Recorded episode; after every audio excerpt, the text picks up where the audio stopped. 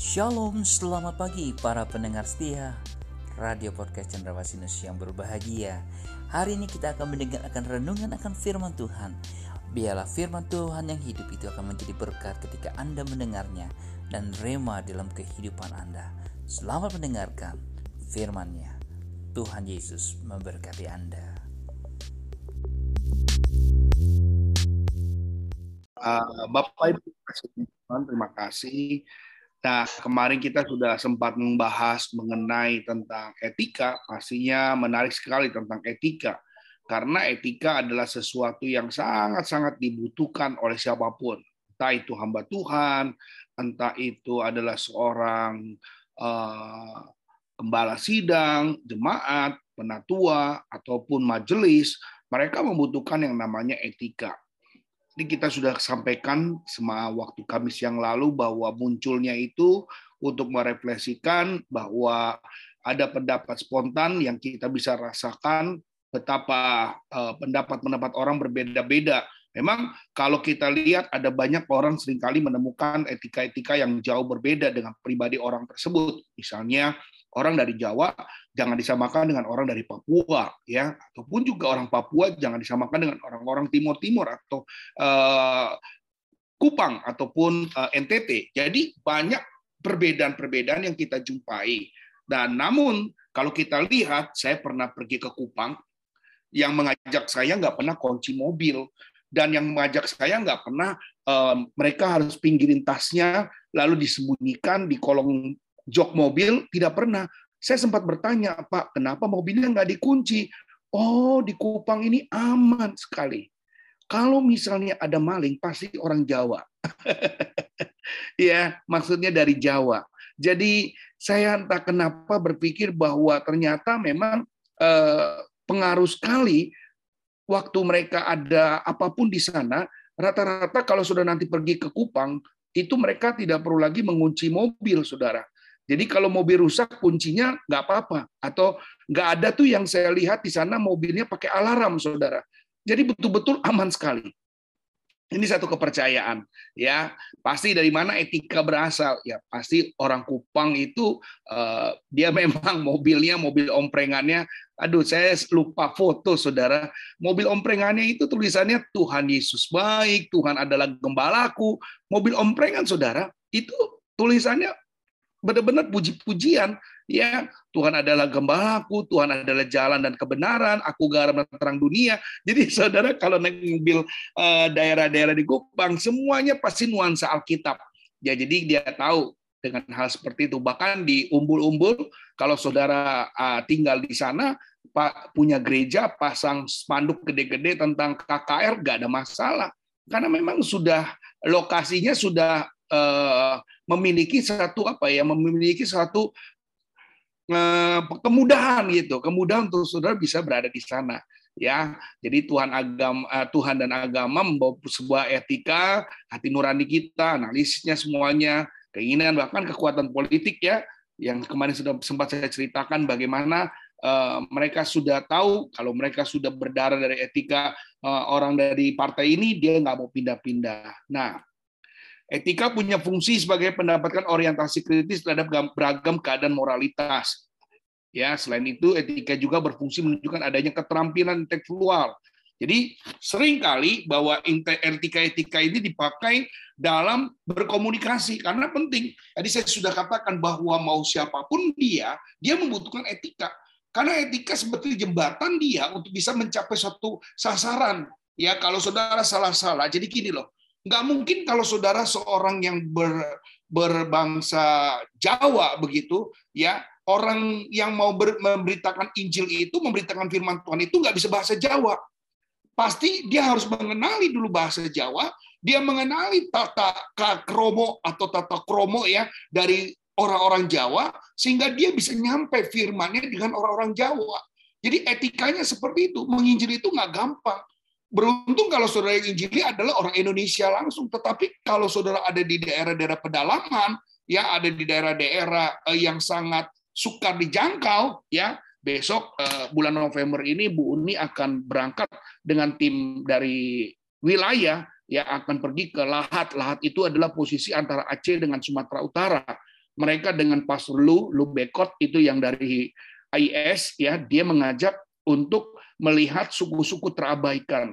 Dan posisinya itu di bawah belakang gunung, saudara. Jaraknya kira-kira 4 jam dari kota Medan. Jadi saudara-saudara bisa luar biasa. Ini pengalaman. Dan bagaimana cara masuknya? Pastor Lu itu mengajak orang lain ke sana yang bisa bahasa Aceh. Kenapa? Supaya memudahkan dia untuk berinteraksi. Menginjil kalau dengan bahasa yang mungkin dia nggak bisa bahasa Indonesia, kita cerita tentang Tuhan, maka kita akan sia-sia, saudara. Nah, maka oleh karena itu kita pentingkan dengan manfaat etika ternyata banyak besar yang kita bisa butuhkan. Ya, ini kata etika berasal dari kata et ya yang berarti tentang uh, ilmu ya tentang apa yang buruk atau akhlak moral kita. Jadi kita bisa bicara bagaimana tentang uh, etika yang dalam kehidupan kita. Jadi akhlak kita, hak dan kewajiban kita itu ada di dalamnya. Nah, ini bicara karakter, ya kesusilaan, adat, ya itu biasanya. Tadi saya katakan kita nggak bisa masuk ke kota tersebut kalau kita tidak mempelajarinya. Jadi jangan sampai ada satu kesan bahwa saudara sebagai orang Kristen akhirnya tidak ditolak bukan karena Kristusnya yang ditolak, tetapi karena adat yang tidak dikenali. Bukan Kristus yang ditolak, tetapi karena kita nggak bisa mengerti apa yang mereka ucapkan begitu. Nah ini pengaruhnya juga besar, saudara. Jadi itu masuk gabungan dari sebuah etika. Pengertian etika adalah satu ilmu tentang kesusilaan. Contohnya ya tadi kemarin waktu pendeta Wilkino dia khotbah dia katakan cara saya untuk menyampaikan Injil adalah saya belanja, saya beli barang-barang yang ada dijual orang itu, kopi, nasi padang atau apa. Karena apa? Memulai saya untuk sebagai orang yang beretika, kita nggak akan pernah ngobrol menghabiskan waktu dia hanya ngobrol dengan kita tanpa kita beli apa-apa. Sekalipun katanya saya nggak lapar, akhirnya banyak makanan yang saya bawa, kadang nggak bisa saya makan lagi, saya kasih sapam. Jadi memang etikanya kita kalau mau mengundang orang lain atau mengajak orang lain pasti ada sesuatu yang kita harus korban. Ya harus korban. Di situ adalah salah satu perilaku kita yang uh, yang harus kita kerjakan. Nah nah ini kemarin kita sampai di sini para ahli tentang etika menurut Aristoteles ya dikatakan bahwa etika dipelajari sebagai ilmu pengetahuan mempelajari sebuah problema atau suatu problema tindakan atau perbuatan manusia Sedangkan Menir dan Menir and Custom, perbahasan tentang etika adalah berhubungan dan berkaitan dengan tata cara serta adat kebiasaan yang melekat pada konteks manusia yang terkait dengan arti baik buruknya seseorang, tingkah laku seseorang, dan perbuatan seseorang. Jadi sudah-sudah yang kasih dalam Tuhan, jadi tentang etika ini betul-betul disoroti sekali. Karena tanpa etika, tadi saya sudah katakan lagi, kita akan ditolak tanpa etika kita tidak akan diterima dengan baik. Maka dengan adanya etika ini banyak hal-hal yang menurut saya adalah satu hal kemudahan untuk kita bisa menyampaikan. Jadi ada yang namanya sekolah misi ya di Korea itu ada yang namanya sekolah misi. Ternyata kemarin BPD juga sedang menghidupkan dengan istilah sekolah misi. Jadi sekolah misi ini akan dihidupkan kembali di Gereja Sidang Jemaat Allah. Mungkin Bapak Ibu yang tertarik ya bukan sekedar hanya sekolah Alkitab, tapi ada yang namanya sekolah misi. Nah, sekolah misi ini adalah melatih kader-kader baru untuk bisa menyampaikan penginjilan. Nah, dari mana? Jadi kita akan fokuskan kalau mereka akan kita tuju ke suku Badui, dia akan belajar tentang suku Badui, dia akan tahu tata krama suku Badui. Salah saja saudara sebagai agama Kristen masuk ke kota mereka, kita akan disidang, kita akan di mungkin dihukum karena kita nggak tahu tata cara mereka. Bagaimana kalau kita orang luar masuk tentang uh, mau, ngobrol atau mau bicara tentang Injil? Nah, ini yang kadang-kadang orang malas untuk melakukannya. Ya doakan supaya dengan cara-cara belajar tentang etika dia boleh memahami sehingga memudahkan untuk Injil disampaikan. Nah, Bertrand dia bilang apa? Etika adalah nilai norma moral yang jadi pegangan seseorang atau suatu kelompok untuk mengatur perilaku. Jadi ke mana pun dia berada, dia udah tahu nih oh tradisi Indonesia nih kalau senyum-senyum bukan berarti dia ini memberikan sesuatu, dia hanya sebagai suatu penghargaan. Maka kalau saudara, ya kemarin saya sempat bilang ya, kalau waktu saya di luar negeri, senyum-senyum sama orang bule, orang bule nggak balik senyum, saudara. Beda kalau saudara ada di Indonesia, di Bali, ketemu orang bule, saudara senyum-senyum, dan bule itu akan senyum-senyum juga. Sebagai sesuatu yang lucu, sesuatu yang bersahabat. Tapi kalau saudara berada di luar negeri, saudara senyum-senyum, Jangan heran kalau saudara ditolak. Jangan heran kalau saudara uh, manggut-manggut itu mereka malah cuek dengan saudara. Pasti akan anda, anda akan alami. Jadi memang uh, kita berbeda ya, lain lubuk, lain ladang, ya lain ikannya. Jadi kita nggak bisa samakan semua daerah Indonesia dengan luar negeri. Memang ya mungkin kita bilang saya nggak ada maksud jahat, saya nggak ada maksud untuk uh, berbuat yang enggak enggak, tetapi kenapa kok saya ditolak? Jadi memang seperti itu. Adat orang lain belum tentu sama. Di Indonesia makanya luar luar biasa. Indonesia ini paling sopan sekali. Ya dengan senyuman mereka sudah menganggap bahwa itu adalah sebuah bentuk keramahan, ingin disapa dan mudah disapa. Orang Indonesia lagi ada apa-apa ditanya ngobrol itu gampang. Orang luar negeri nggak bisa, nggak kenal dia main jalan aja. Dia nggak ada itu apa namanya eh, apa namanya paisengki ya nggak ada dia tuh urusan-urusan paisengki itu nggak ada ya sama kita orang Chinese di sini sangat sopan sekali, tapi Chinese yang ada di Cina, ya kalau saudara belanja di Cina, orang Cina tuh galaknya bukan main, saudara. Barang tuh nggak boleh ditawar. Kalau saudara pernah pergi ke Cina, pasti saudara bilang, bener Pak Yoel, waduh saya ke sana saya diomel-omelin, ya dikata-katain, apalagi pegang-pegang barangnya nggak beli, uh dia marah besar. Nah ini kadang-kadang kalau kita, ya kalau orang sana dibuat seperti itu, nggak ada masalah dia pikir nggak ada persoalan. Tapi kalau kita, kita nggak mau beli lagi. Kita nggak mau berikan dia keuntungan. Tapi kalau misalnya orang lain, kita nggak butuh senyum dia, kita butuh barang dia murah. Jadi seperti itu. Jadi ada orang kadang-kadang bisa barang mahal, tapi kalau penjualnya itu baik, tetap aja dia beli. Ada juga orang yang gimana ya, nggak ramah, tapi tetap laku. Kenapa? Karena barangnya murah. Jadi saudara boleh juga, saudara mau pakai model yang mana. Eh, galak tapi barangnya murah atau sudah senyum-senyum tapi barangnya mahal. Nah ini ini pengaruh juga orang Indonesia sangat pengaruh saudara. Kadang-kadang dia rela muter jauh untuk barang yang harganya cuma beda 100 rupiah.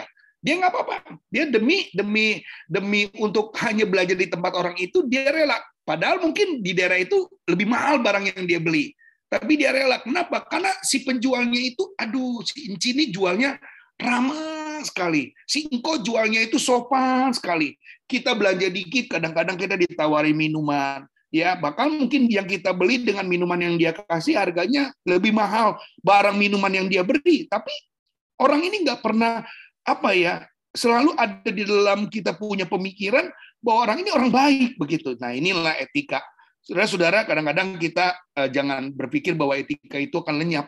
Etika itu akan terus berlanjut, saudara ya etika itu akan terus berlanjut dan saudara akan dikenali siapa diri saudara. Pasti orang akan bilang, cinci orang Kristen ya, kok engkau orang Kristen ya. Kenapa? Dari sikap apa yang kita lakukan. Dari apa yang kita hantari.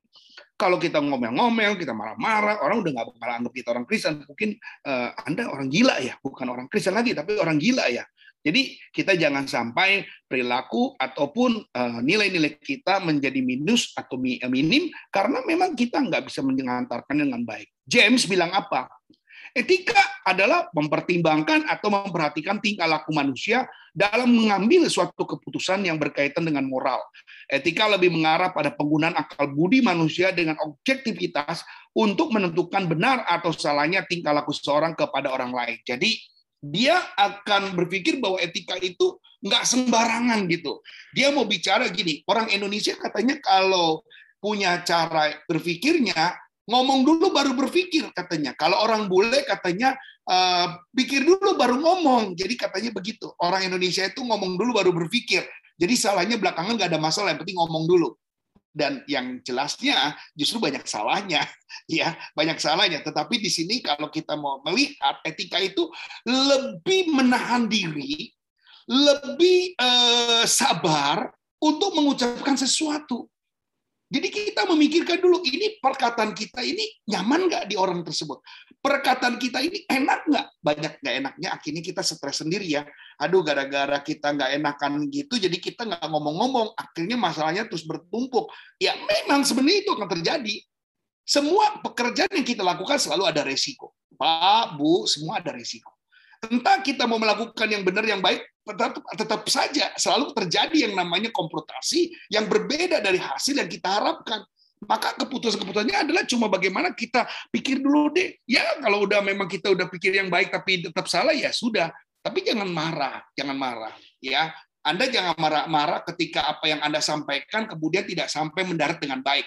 malah justru malah menjadi uh, apa ya nyeselin gitu ya aduh kalau kayak gitu mas saya nggak mau deh ah udah baik-baik sama dia percuma ya tapi ingat baik-baik jangan pernah merasa bahwa anda menyesal telah melakukan kebaikan dengar ya bapak ibu ya jangan pernah menyesal kalau anda telah melakukan sebuah kebaikan anda tidak dapat penilaian dari manusia, tapi Allah telah memberikan penilaian buat kehidupan kita. Katakan amin. Ya, jangan pernah menyesal bahwa Anda telah, Anda telah menabur yang baik-baik kepada orang lain. Jangan pernah menyesal. Karena yang membalas yang eh, perbuatan yang kita lakukan itu bukan manusia, bukan orang tersebut, tapi Tuhan. Artinya kita telah berhasil menjalankan keputusan-keputusan. Maka kenapa ya kita ini senang banget ya belajar kayak gini ya. Walaupun ini orang bule yang ngomong, James Phillips, kita juga nggak kenal ini siapa dia ya dia juga nggak kenal saya, saya nggak kenal dia. Tapi waktu saya membaca buku yang dia tulis ini, saya jadi bisa mengaplikasikan, saya bisa mengantarkan, menyampaikan, oh ternyata Pak Gembala modelnya seperti ini ya. Iya. Jadi jangan pernah menyesal kalau Anda telah melakukan hal yang baik mungkin kepada orang lain. Dengar, apa yang Anda lakukan itu bukan manusia yang membalasnya, tapi Tuhan ya jadi lakukan aja benar salahnya itu pasti relatif kadang orang bilang gini gua bener aja salah apalagi gua salah. Ya gitu ya. Bapak ibu pasti ngomong pasti pernah punya kalimat seperti itu. Tapi jangan pernah menyesal. Orang sabar itu kesel pasti ya. Orang sabar itu pasti kesel. Tapi biarlah taburan-taburan kita itu tetap diingat Tuhan ya disayang dan diingat dan diperhatikan oleh Tuhan. Suganda ya Sugarda dia bilang gini ya Etika adalah filsafat berkaitan dengan nilai-nilai tentang baik buruknya tindakan kesusilaan. Jadi dia bilang begini, etika ini udah dari dulu, udah udah udah terkunci. Kalau baik buruk tindakan kesusilaan itu ya orang pasti ngomong tentang etika. Nggak bisa ke mana-mana, etika nggak bisa bergeser, etika nggak bisa dipindah tangankan. Etika itu sudah menjadi tren, sudah menjadi jalan tol jika orang mau dihargai. Jadi seperti itu. Nah, ini terbalik-balik ya. Profesor Franz Manggis Suseno, ini tokoh Katolik ya yang sangat terkenal ya. Franz ini tidak menikah karena dia adalah seorang pastor. Etika adalah ilmu yang mencari orientasi atau ilmu yang memberikan arah dan pijakan dalam tindakan manusia. Jadi gini, cara kalau kita mau punya banyak teman, cara kita ingin mau punya banyak sahabat, ya kita harus punya etika yang baik. Kemarin sempat dia bilang begini, wah Pak Yoel ini baru bergabung jadi BPD, tapi kok kita jadi udah deket banget ya sama Bapak ya. Kayaknya kita udah kenal lama. Nah, saya tahu caranya. Bagaimana saya bisa membawa diri saya sama dengan mereka. Nah, ini cara-cara kita beretika ini penting sekali. Humble, kita nggak boleh menjadi orang yang, wah, merasa kita orang dari Jakarta, mereka orang daerah, kita sombong. Enggak kita tetap ya dengan cara kita bukannya kita caper atau carmuk bukan ya. Ketemu orang yang lebih tua saya akan salam panggil dia om. Mungkin orang daerah ketika dipanggil om yang sudah berambut putih dia merasa dihormati. Dia tahu ini yang yang bicara juga ketua BPD dari DKI wow kok dia begitu sopan ya ya entar entar akhirnya pada waktu saudara sopan kemudian pulang dapat proposal ya itu itu cerita lain. Ya saya setelah pulang banyak proposal. Karena mereka bilang dari Jakarta bisa kasih dana buat daerah-daerah. Tapi nggak ada masalah buat saya. Itulah bagian. Saudara jangan menolak. Kalau orang mau hormat saudara kemudian saudara dapat proposal ya puji Tuhan. Ya namanya manusia ya. Ada aja mencari apa sih kesempatan dalam kesempitan. Ya pasti saudara juga gitu kalau kenal dengan orang yang wah dia dari Amerika. Wah kebetulan nih bisa minta bantuan dana nih. Ya saya terima aja apa yang mereka sampaikan. Ya tapi ya paling tidak kita sudah belajar bagaimana kita bisa punya pengenalan kepada mereka dengan lewat yang namanya etika. Jadi jangan sampai kita jadi orang Jakarta sombong. Ya orang Jakarta mentang-mentang Jakarta ibu kota uh nggak mau negor maunya ditegur duluan, ya saudara selesai. Saudara nggak akan pernah dapat kesan yang baik kalau saudara tidak mau melakukan uh, seperti hal demikian. Ya paling nggak kita bisa memulainya. Nah, ada 10 keuntungan kita beretika, Pak Yoel. Ya, 10 keuntungan beretika. Yang pertama, etika Kristen mengajarkan kita bagaimana hidup.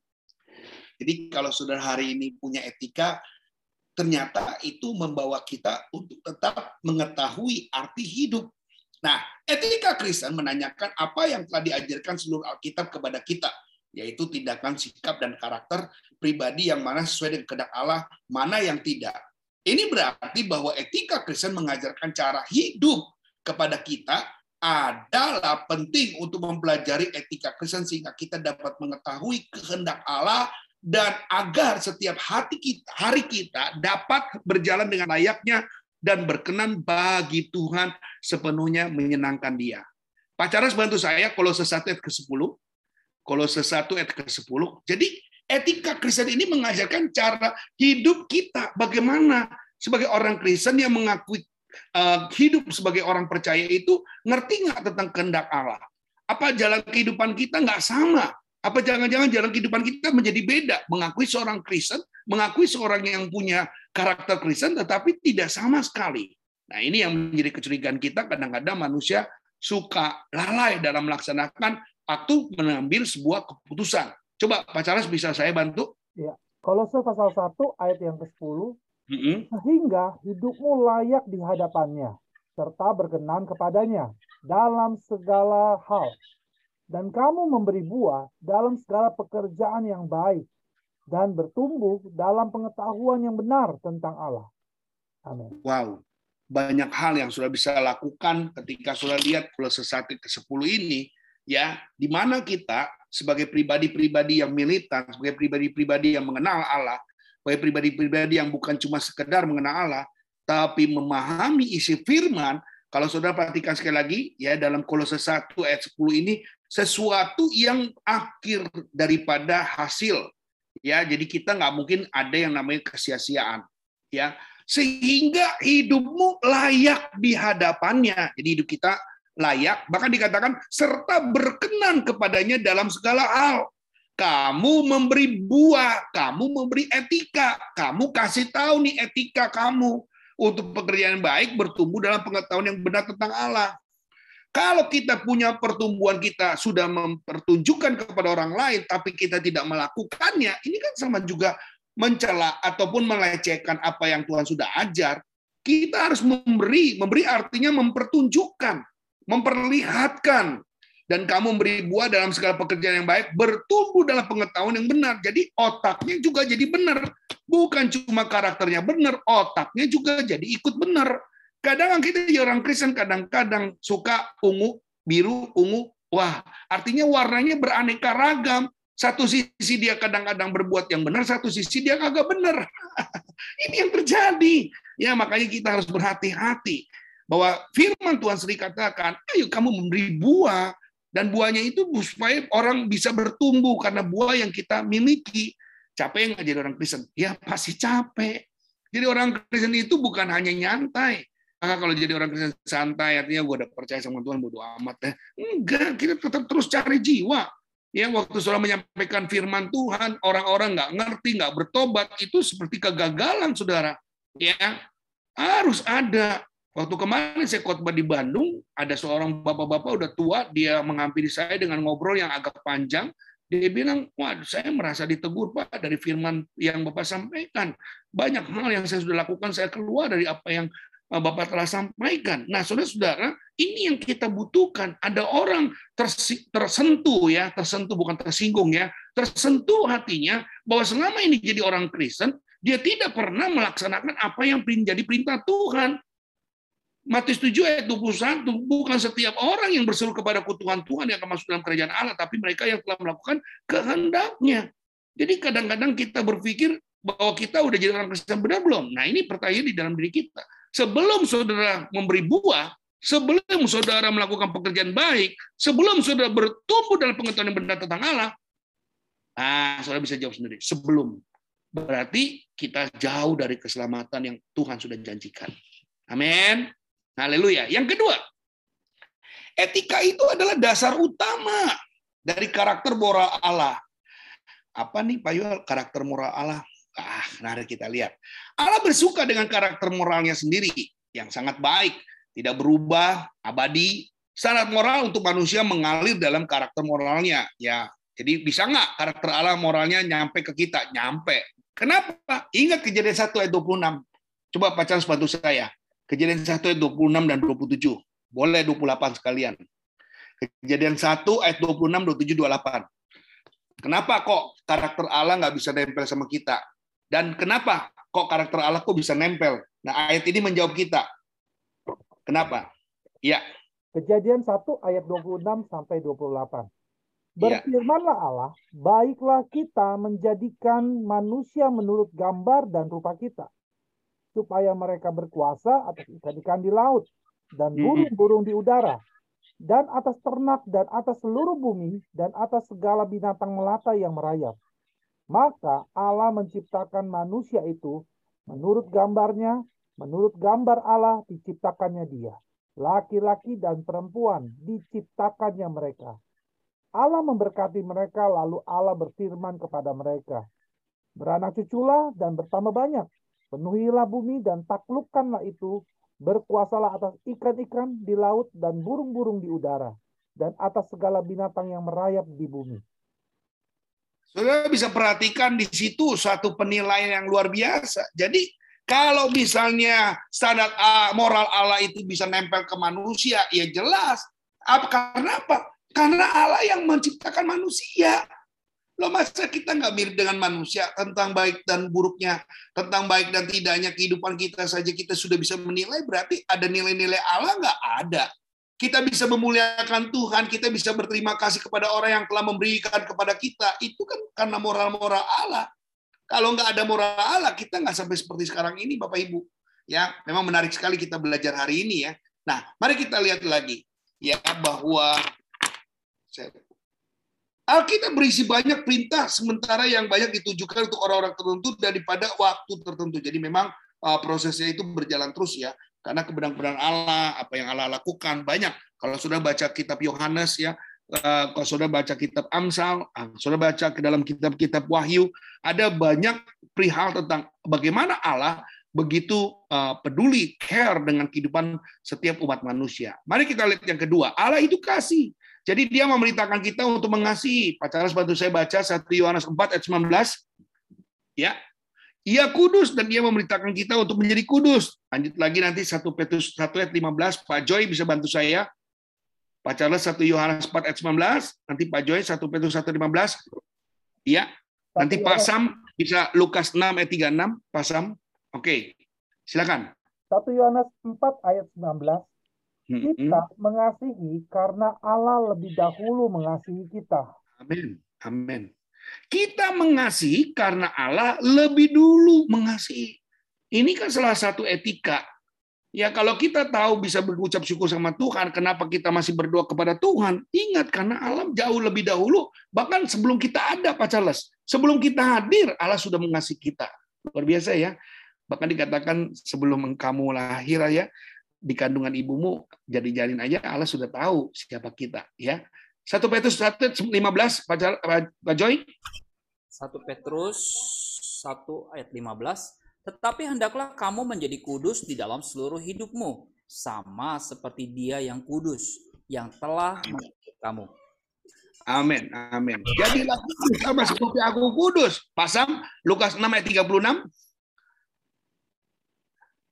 Jadi kita memahami ya saat ini ya betul-betul apa yang memang Allah sudah ajarkan kepada kita. Jadi kita nggak perlu lagi merasa bahwa ah ini bukan perintahnya, ini bukan sesuatu yang dari dia. Ya, bisa pasang Lukas 6 ayat 36. Jadi kita memahami betul apa yang Tuhan inginkan terjadi dalam kehidupan kita supaya kelayakan kita sebagai orang-orang percaya ini akan selalu uh, mengiringi dalam kehidupan kita, baik dalam kehidupan kita saat ini atau nanti. Ya. Bisa? Atau Pak Ca oh, Pak Joy bisa bantu? Lukas 6 ayat 36, hendaklah ya. kamu murah hati sama seperti Bapamu adalah murah hati. Amin, amin. Jadi memang gambaran-gambaran seperti itu kita murah hati bukan karena kita mau carmuk. Kita murah hati bukan karena kita uh, sombong-sombongan. Kita murah hati karena Bapak kita murah hati. Maka kita kenapa sih kalau jadi orang Kristen nggak boleh senyum? Katanya kamu senyum terus ke orang gila? Enggak. Ya murah hati ini benar-benar penuh dengan belas kasihan, peduli, caring dengan orang lain. Bukan karena ada apa-apanya. Tapi memang kalau orang udah jadi orang Kristen sebenarnya itu berubah harus ada, saudara. Jangan orang itu udah jadi orang Kristen nggak pernah berubah, mukanya masih asem begitu. Ya dilihatnya kagak enak. Soalnya bisa bayangkan masuk gereja ngeliat mukanya nggak enak. Pengennya pulang lagi. Untung saudara nggak pandang manusia, pandangnya Tuhan. Maka lagi-lagi saya katakan, kenapa kita harus sering-sering ikut KKA? Eh, kenapa kita harus sering-sering ikut dalam seminar ini? Supaya kita jadi orang Kristen dewasa. Orang Kristen dewasa itu nggak mau lihat lagi kesalahan orang lain.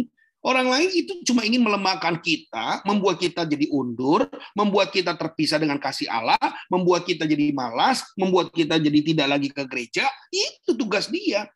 Ya, tetapi kan kita hanya ingin menyenangkan hati Tuhan. Begitu ya. Tapi ya ingat, ada batasannya juga. Jangan tiap hari ketawa, senyum sendirian. Ngeri nanti. ya. Coba Titus 1 ayat 2. Pak Charles, bantu saya baca. Titus 1 ayat 2 dan berdasarkan pengharapan akan hidup yang kekal yang mm -hmm. sebelum permulaan zaman sudah dijanjikan oleh Allah yang tidak berdusta. Amin. Sudah dengar? Tidak berdusta. Artinya memang semuanya apa yang disampaikan dari kitab kejadian hingga wahyu, Titus 1 ayat 2 bilang itu sudah sudah diucapkan, sudah pasti akan terjadi. Saudara nggak bisa melihat bagaimana. Saudara jangan pikir Musa ternyata nabi yang paling lembut itu bukannya eh, Yohanes, uh, ya nabi yang lembut itu bukan Yusuf, tetapi ternyata Musa, saudara. Ya, nabi Tuhan yang paling lembut hatinya itu adalah Musa. Memang Musa itu katanya lembut hatinya. Wah, saudara bisa bayangkan bagaimana Musa itu bisa sepuluh kali saking baiknya sama Fir'aun, saudara dia sampai nurutnya luar biasa. Itu kan kalau bukan orang yang baik nggak mungkin. Ya kesabarannya luar biasa. Coba keluaran 20 ayat 16. Bisa baca lagi? Keluaran 20 ayat 16. Jangan ya. mengucapkan saksi dusta tentang sesamamu. Hmm. Ya, jadi memang etika itu bicara tentang karakter moral Allah. Jadi nggak bisa ditukar, dipindah tangankan, atau di-sharing. Jadi kalau memang kita padanya udah medang, memang orangnya seperti demikian, kita nggak bisa punya apa kepura-puraan. Maka dampak menjadi orang Kristen yang punya karakter moral, dia harus betul-betul uh, membangun hidupnya, perkenanan kepada Tuhan, melakukan perintah Tuhan, ataupun menjalankan, itu sudah harus menjadi suatu uh, keberanian etika dalam hidupnya. Jadi kita bukan serta-merta ya maka inilah kalau sudah mau jadi orang Kristen, ya kenapa sih kita mesti senyum? Kenapa sih kita mesti jadi orang yang ramah? Ya, aduh rasanya capek ya. Maka kalau orang yang cuma pakai topeng itu nggak bisa lama-lama. Dia cuma sesaat aja dia bisa senyum, tapi sama orang lain ketahuan. Nanti ada orang bilang gini, eh si Yoel tuh sombong ya. Ah enggak, aduh lu salah, dia baik banget. Atau sebaliknya, si Yoel baiknya, ih enak aja baik sombong tahu. Nah, jadi kadang-kadang kalau saudara ingat tangan kita cuma dua, kita nggak bisa menutup, ya, kita nggak bisa tutup mulut mereka. Tangan kita cuma dua, orang yang gosipin kita, orang yang uh, ngomongin kita, kita nggak bisa tahan. Saudara jangan marah kalau diomongin, ya sudah terima saja. Saudara jangan merasa kalau diomongin merasa saudara itu udah hina banget, jangan. Kalau saudara diomongin orang, jangan merasa kita tuh hina banget, jangan. Yang penting kita harus berubah. Gunakan dua tangan kita bukan tutup tangan mereka atau tutup mulut mereka, tapi lipat tangan kita untuk kita berdoa sama Tuhan. Tuhan, aku kurang baik, bikin aku jadi lebih baik lagi Tuhan. Nah ini loh satu cara cara kita. Kita nggak bisa tutup mulut mereka, tapi kita bisa gunakan dua tangan kita untuk berdoa sama Tuhan. Minta supaya Tuhan lebih lebih lebih lebih untuk lengkapi kita. Amin. Ya, jadi itulah cara-cara kita beretika. Yang ketiga, etika Kristen didasarkan pada Alkitab.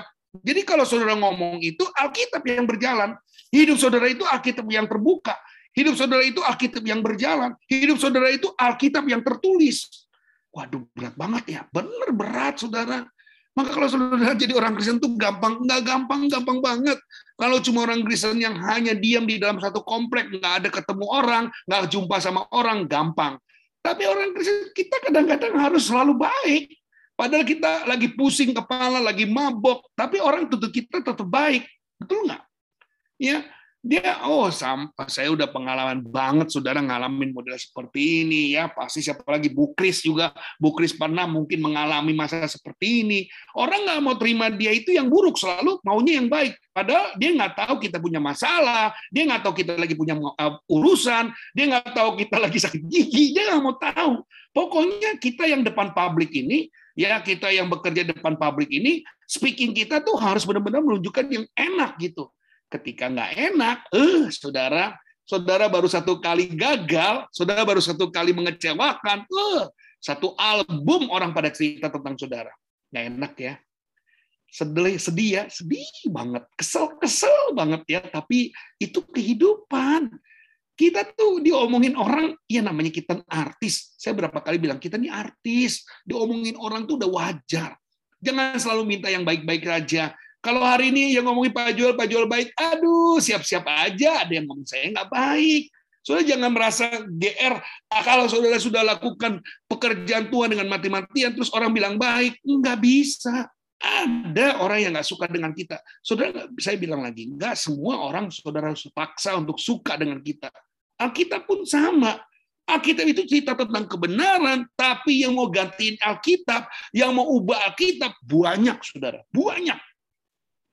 Alkitab itu sudah bicara tentang kesempurnaan, nggak pernah ngejelekin orang.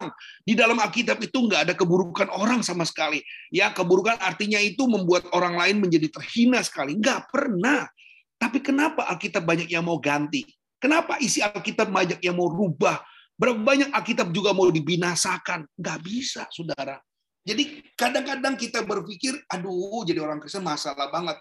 Puji Tuhan, ketika kita jadi orang Kristen, ada masalah, itu puji Tuhan. Karena apa? Level kita lagi dinaikin. Suhu kita, perkenalan kita dengan Tuhan itu lagi ditingkatkan. Jadi saudara bersyukur. Kalau Tuhan masih izinkan kita, kalau Tuhan masih berikan kesempatan buat kita, oh praise the Lord, saudara. Saudara nggak akan pernah merasa menjadi orang yang gagal. Saudara nggak pernah merasa menjadi orang yang ter, paling sedih. Ngalamin masa-masa seperti itu, ya itu bukan bukan sesuatu yang yang apa yang gagal. Yang nggak ada. Nggak ada yang kata-kata gagal. Jadi saudara merasa bersyukur kalau hari ini ada orang-orang yang memang Tuhan izinkan, Tuhan berikan, Tuhan uh, hantarkan buat kehidupan kita menjadi orang-orang yang luar biasa. Amin. Amin. Haleluya. Haleluya. Pak Charles bantu kalau sesuatu ayat 9 sampai 10. Saya kalau buka kesaksian pasti saudara mau ngomong semua nih. Wah, benar nih pasti cerita deh. Tapi sorry hari ini nggak ada nggak ada diskusi saudara. Jadi saudara hari ini diskusinya buat Kamis aja. Ya, hari ini tempat saya untuk ngomong. ya, silakan. Kalau sesuatu ayat 9 sampai 10. Nanti Pak Joy 1 Tesalonika 4 ayat 1. Pasam kalau udah ada 2 Timotius 3 17. Ya, silakan. Kalau sesatu ayat 19 sampai yang ke-20. 9, 9 sampai 10. 9 sampai yang ke-10. Ya. Dan firman Tuhan, sebab itu sejak waktu kami mendengarnya, kami tiada berhenti-henti berdoa untuk kamu. Kami hmm. meminta supaya kamu menerima segala hikmat dan pengertian yang benar untuk mengetahui kehendak Tuhan dengan sempurna sehingga hidupmu layak di hadapannya serta berkenan kepadanya dalam segala hal dan kamu memberi buah dalam segala pekerjaan yang baik dan bertumbuh dalam pengetahuan yang benar tentang Allah. Amin. Wow. Berat ya. Kalau saudara baca tadi yang Pak Charles baca itu berat banget saudara. Dalam perbuatannya buahnya harus saudara tunjukin. Jadi sebenarnya kita orang Kristen tuh terlalu gampang banget kalau dengar khotbah yang biasa-biasa itu gampang banget. Pokoknya rajin ini, rajin ini. Ternyata kalau sudah lihat tentang etika, uh, dalamnya bukan main, saudara. Pak Joy, baca satu tes 4 ayat 1. 1 Tesalonika 4 ayat 1 Akhirnya saudara-saudara kami minta dan nasihatkan kamu dalam Tuhan Yesus Kamu telah mendengar dari kami bagaimana kamu harus hidup Supaya hmm. berkenan kepada Allah Hal itu memang kamu turuti, tetapi baiklah kamu melakukannya lebih bersungguh-sungguh lagi. Kenapa kata ada kata lebih bersungguh-sungguh? Udah lebih bersungguh-sungguh. Kalau ada guru bahasa Indonesia pasti ngerti. Kok kalimatnya maksa banget ya? Lebih bersungguh-sungguh. Kalau bersungguh-sungguh aja udah harus sungguh-sungguh. Tapi kalau ada kalimat lebih bersungguh-sungguh, aduh Pak, Bu, Bapak Ibu kalau udah ngerti bahasa Indonesia, saya nggak usah ajarin lagi deh. Ya, kamu harus lebih bersungguh-sungguh. Artinya apa? Memang akan mati-matian kita mendapatkannya, akan mati-matian kita mempertahankannya, kita akan mati-matian mengorbankannya, Walaupun makanya kita sudah melakukan hal yang baik, kita sudah melakukan yang benar, belum tentu disuka oleh orang, saudara. Nggak gampang. Memang dalam peristiwa-peristiwa yang kita sedang alami, dan ini ada salah satu hal yang sudah harus lakukan, bahwa ketika kehidupan yang kita miliki sebagai seorang percaya, tatanan-tatanan yang kita sudah harapkan, nggak, oh saya katakan jadi orang Kristen nggak selalu nyaman, dan saya nggak pernah bilang kalau orang Kristen tanpa sakit, jadi orang Kristen tanpa masalah, dan jalannya lurus-lurus aja. Nggak, nggak akan pernah. Jadi orang Kristen tuh nggak seperti itu. Langsung Tuhan bilang, eh, kok nggak jadi jalan tol, dan nggak ada masalah lagi. No, no, no, no. Masalah tetap ada. Persoalan tetap ada. Apalagi sakit tetap ada. Tapi yang Tuhan butuhkan adalah spirit iman kita ketatan dan kesungguhan iman kita, bisa nggak kita bertahan? Bisa nggak kita lebih sungguh-sungguh lagi? Nah ini PR kita. Pasang bisa 2 Timotius 3 17. 2 Timotius ayat 17. 17. Demikian tiap-tiap manusia kepunyaan Allah diperlengkapi untuk setiap perbuatan baik.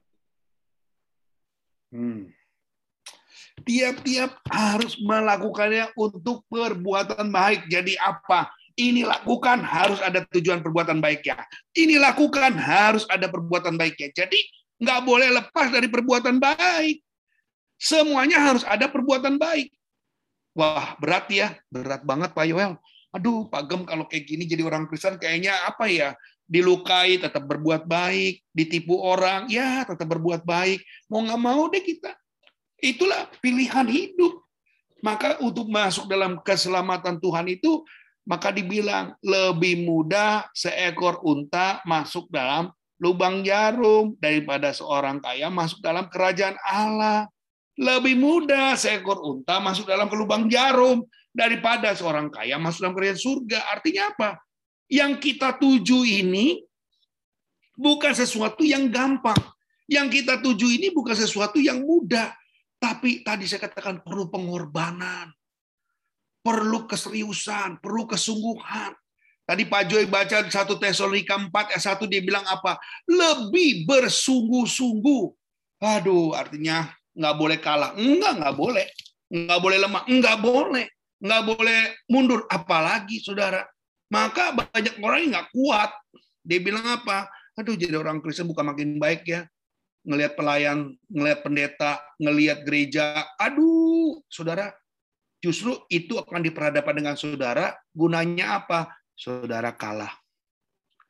Saya mau kasih tahu saudara, kalau saudara lihat pendeta begini, pelayan Tuhan begitu, gembala begino, gereja beguno, gunanya apa? Saudara kalah. Kalau saudara lihat hamba Tuhan jatuh, yang saudara bilang apa? Ngapain gua ke gereja? Hamba Tuhan aja jatuh. Loh, terus hubungannya dengan kita apa? Kerugian dong. Kalau dia jatuh, saya ikut jatuh, rugi dong. Enak aja.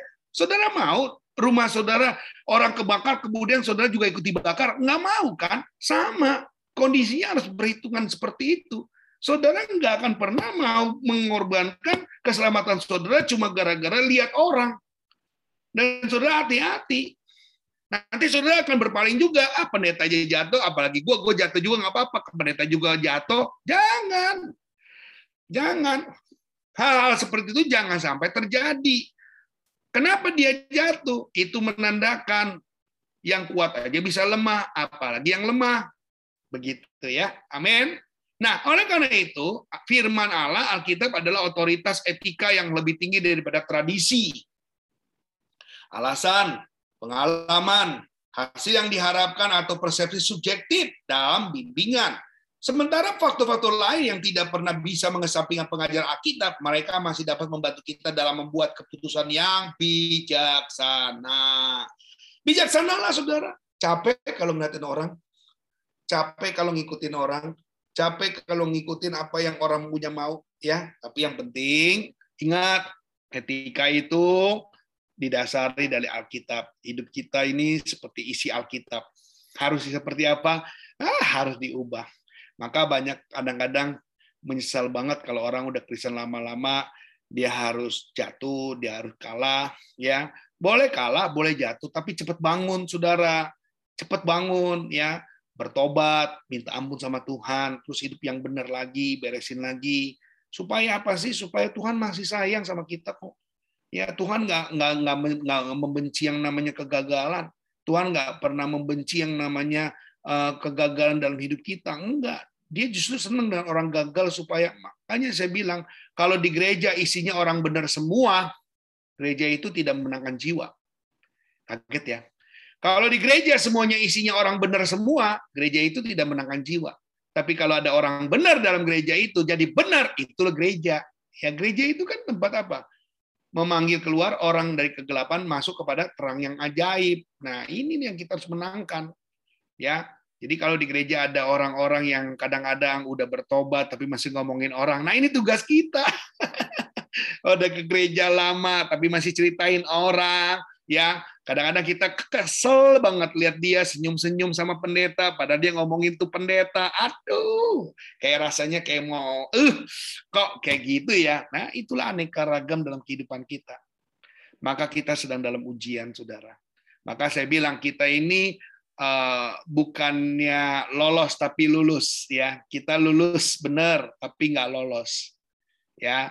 Kita lulus tapi nggak lolos. Artinya besok masih ada lagi masalah. Besok masih ada lagi yang namanya persoalan. Yang keempat, ya kayaknya mesti tiga babak nih.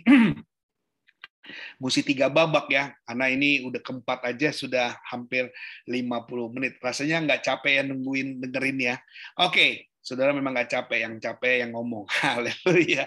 Etika Kristen sangat penting untuk pemberitaan Injil. Tadi saya sudah sampaikan, kalau ngomongnya kasar, bagaimana bisa melihat orang lain mau percaya sama Tuhan. Wah, modelnya kayak gini orang percaya sama Tuhan, kok ngomongnya kasar, kok dalam etika juga ngomongnya tidak lembut ya. Kadang-kadang saudara jangan heran, kadang-kadang ketukar saudara. Banyak orang-orang kelembutan disampaikan terlebih dahulu ya. Kalau saudara saksi Yehova, uh, luar biasa. Ditolak aja balik lagi, balik lagi, balik lagi saudara. Saksi Yehova itu ditolak, uh, tetap senyumin saudara. Tetap menyapa saudara sampai saudara dibuat kagak enak hati. Nggak terima jadi terima. Kagak ngundang jadi ngundang. Kagak kasih masuk jadi masuk. Itu yang namanya apa? Memang dia udah belajar.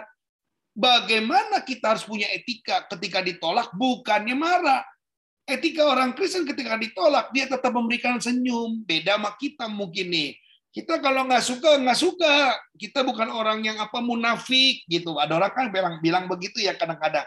Pak, Pak Gembala, saya mah bukan orang yang munafik. Saya nggak suka tetap nggak suka.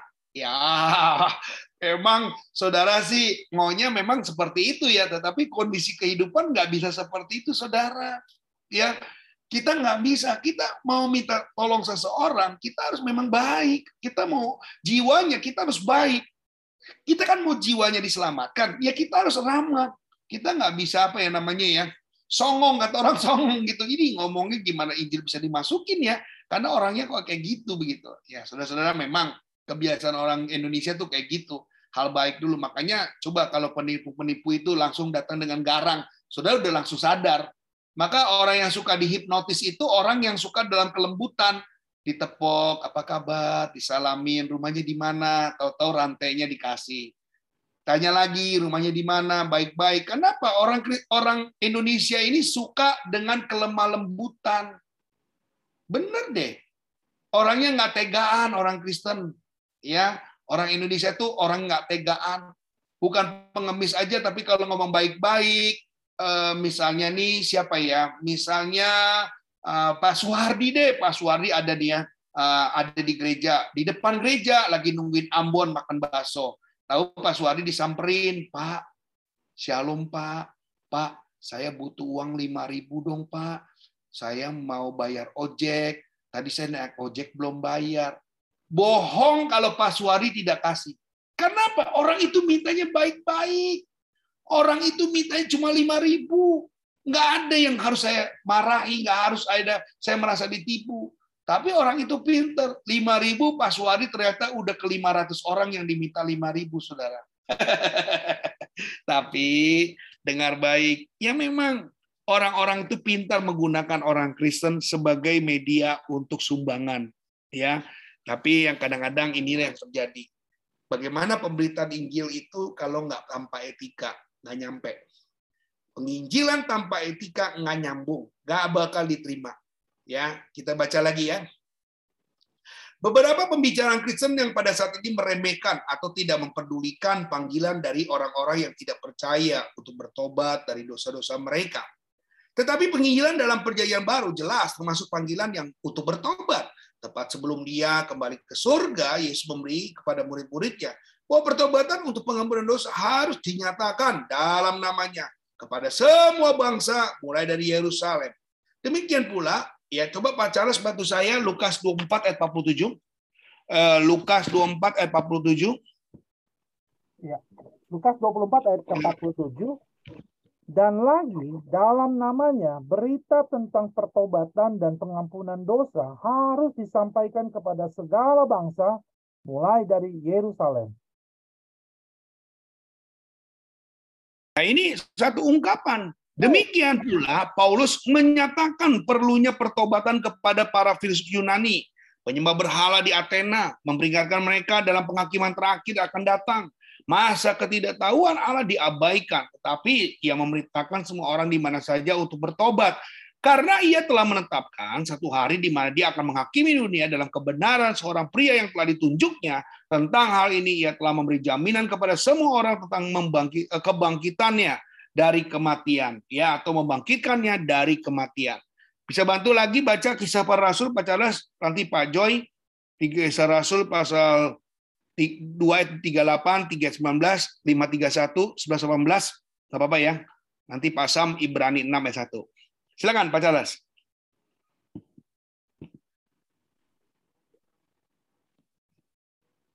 Ya. Bentar. Kisah para Rasul 17 ayat 30 31.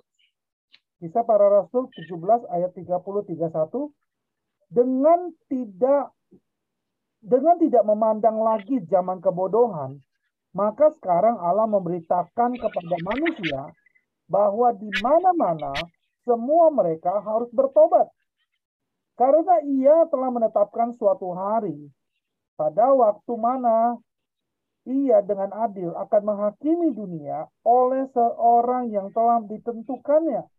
Sesudah ia memberikan kepada segala orang suatu bukti tentang hal itu dengan membangkitkan dia dari antara orang mati. Amin. Amin.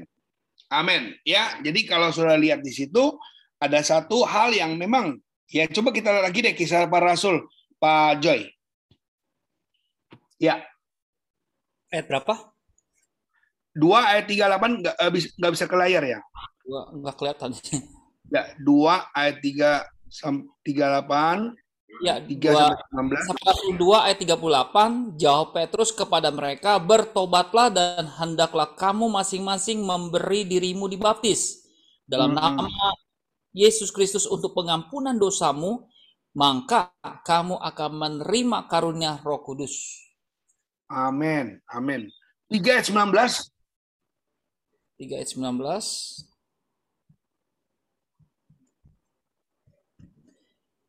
Karena itu sadarlah dan bertobatlah supaya dosamu dihapuskan. 5 ayat 31. 5 ayat 31. Dialah yang telah ditinggikan oleh Allah sendiri dengan tangan kanannya menjadi pemimpin dan juru selamat supaya Israel dapat bertobat dan menerima pengampunan dosa. Ya, terakhir 11 18. 11 ayat 18. Ketika mereka mendengar hal itu, mereka menjadi tenang, lalu memuliakan Allah. Katanya, jadi kepada bangsa-bangsa lain juga Allah mengaruniakan pertobatan yang memimpin kepada hidup. Amin. Ya, memimpin pertobatan dalam hidup. Ya, pasam Ibrani 6 ayat 1. Ya. Ibrani 6 ayat 1.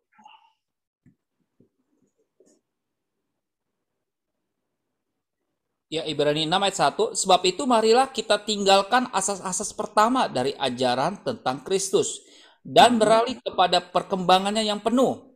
Janganlah kita meletakkan lagi dasar pertobatan dari perbuatan-perbuatan yang sia-sia dan dasar kepercayaan kepada Allah. Amin. Jadi dasarnya harus betul-betul dasar pertobatan. Sama kayak tadi, saudara nggak bakal mundur. Saudara nggak bakal uh, melepaskan iman saudara yang sudah percaya kepada Tuhan. Saudara tidak akan pernah melepaskan apa yang sudah sudah percayai. Nah, dalam perjanjian baru bukan hanya perubahan pikiran, tetapi juga mencakup kesedihan karena dosa seseorang yang dengan tekad batin yang tulus untuk berbalik dari dosa, untuk berbalik kepada Kristus dalam iman. Jadi ini yang kita harus sadari. Banyak kadang-kadang kita harus kalah dan mengalah tentang apa ya mem, mem, apa namanya kita harus lebih banyak membuat diri kita lebih tidak mendapatkan bagian. Mungkin kayak gini dia kan ada kalau ada sekolah minggu lagu ya semakin bertambah ku harus makin berkurang. Nama Yesus saja disembah ku di tempat paling belakang. Bila Yesus ditinggikan dan salibnya diberitakan pastilah menarik semua orang datang kepadanya sekarang jadi memang keadaan kita, posisi kita, ya mungkin kita harus terima dalam keadaan seperti apa. Nah, akan tetapi bagaimana orang tidak percaya dapat bertobat dari dosa-dosa mereka jika mereka bahkan tidak tahu apa standar moral Allah. Saya tidak percaya bahwa kebangkitan rohani yang meluas akan datang ke negara mana pun selain pertobatan yang meluas dan sepenuh hati akan dosa. Karena itu pemberitaan Injil harus mencakup unsur pengajaran tentang standar moral Allah yang berarti mengajar tentang etika Kristen. Jadi memang saya percaya Indonesia keluar dari 60 negara yang ha hampir berkata uh, masuk IMF ya. Bahkan ada 66 negara yang sudah mendaftarkan diri ke IMF Artinya mereka akan mengalami uh, tuntunan ekonomi dari luar gitu. Tapi kita masih boleh dipimpin karena kita bisa menguasai ekonomi ekonomi dengan baik. Kita nggak terpuruk, kita berhasil dalam mencapai sebuah tujuan. Nah, dari tujuan-tujuan itulah kita diharapkan untuk tetap ya bertahan. Saudara-saudara yang kasih dalam Tuhan, kita percaya bahwa setiap siapa pun yang kita akan alami, ya kita akan menerima satu pernyataan dalam hidup, ya ternyata etika itu sangatlah penting dalam diri seseorang untuk mencakup sebuah keputusan. Jadi saudara jangan pernah ragu ketika mengambil sebuah eh, keputusan, mempertahankan yang namanya etika, tapi saudara sudah dipercayakan untuk bisa eh, menjadi apa ya jargon ya jargon itu andalan ya saudara memang tidak dalam penindasan tidak dalam ketakutan tapi tetap Tuhan akan memelihara kita. Saudara jangan merasa gagal, oh kalau jadi orang Kristen jadi nggak enak ya. Ya pasti, kalau saudara hanya menyenangkan diri sendiri, kita nggak enak. Tetapi akhir kehidupan kita. Ya hari ini kekristenan itu lebih banyak berbicara eh, kenikmatannya itu nanti pada saat saudara sudah mengambil keputusan. Prinsipnya Tuhan mau saudara tetap menjadi terang, saudara tetap menjadi garam di mana pun saudara hidup, tanpa harus ya saudara berlelah-lelah, tapi cukup memakan waktu untuk kehidupan kita bertambah. Amin. Puji Tuhan. Baik, puji Tuhan. Kalau hari ini saya buka ruang pertanyaan. Nah, silakan Bapak Ibu yang mau bertanya. Pak Charles boleh dimatikan. Haleluya. Ada yang mau bertanya?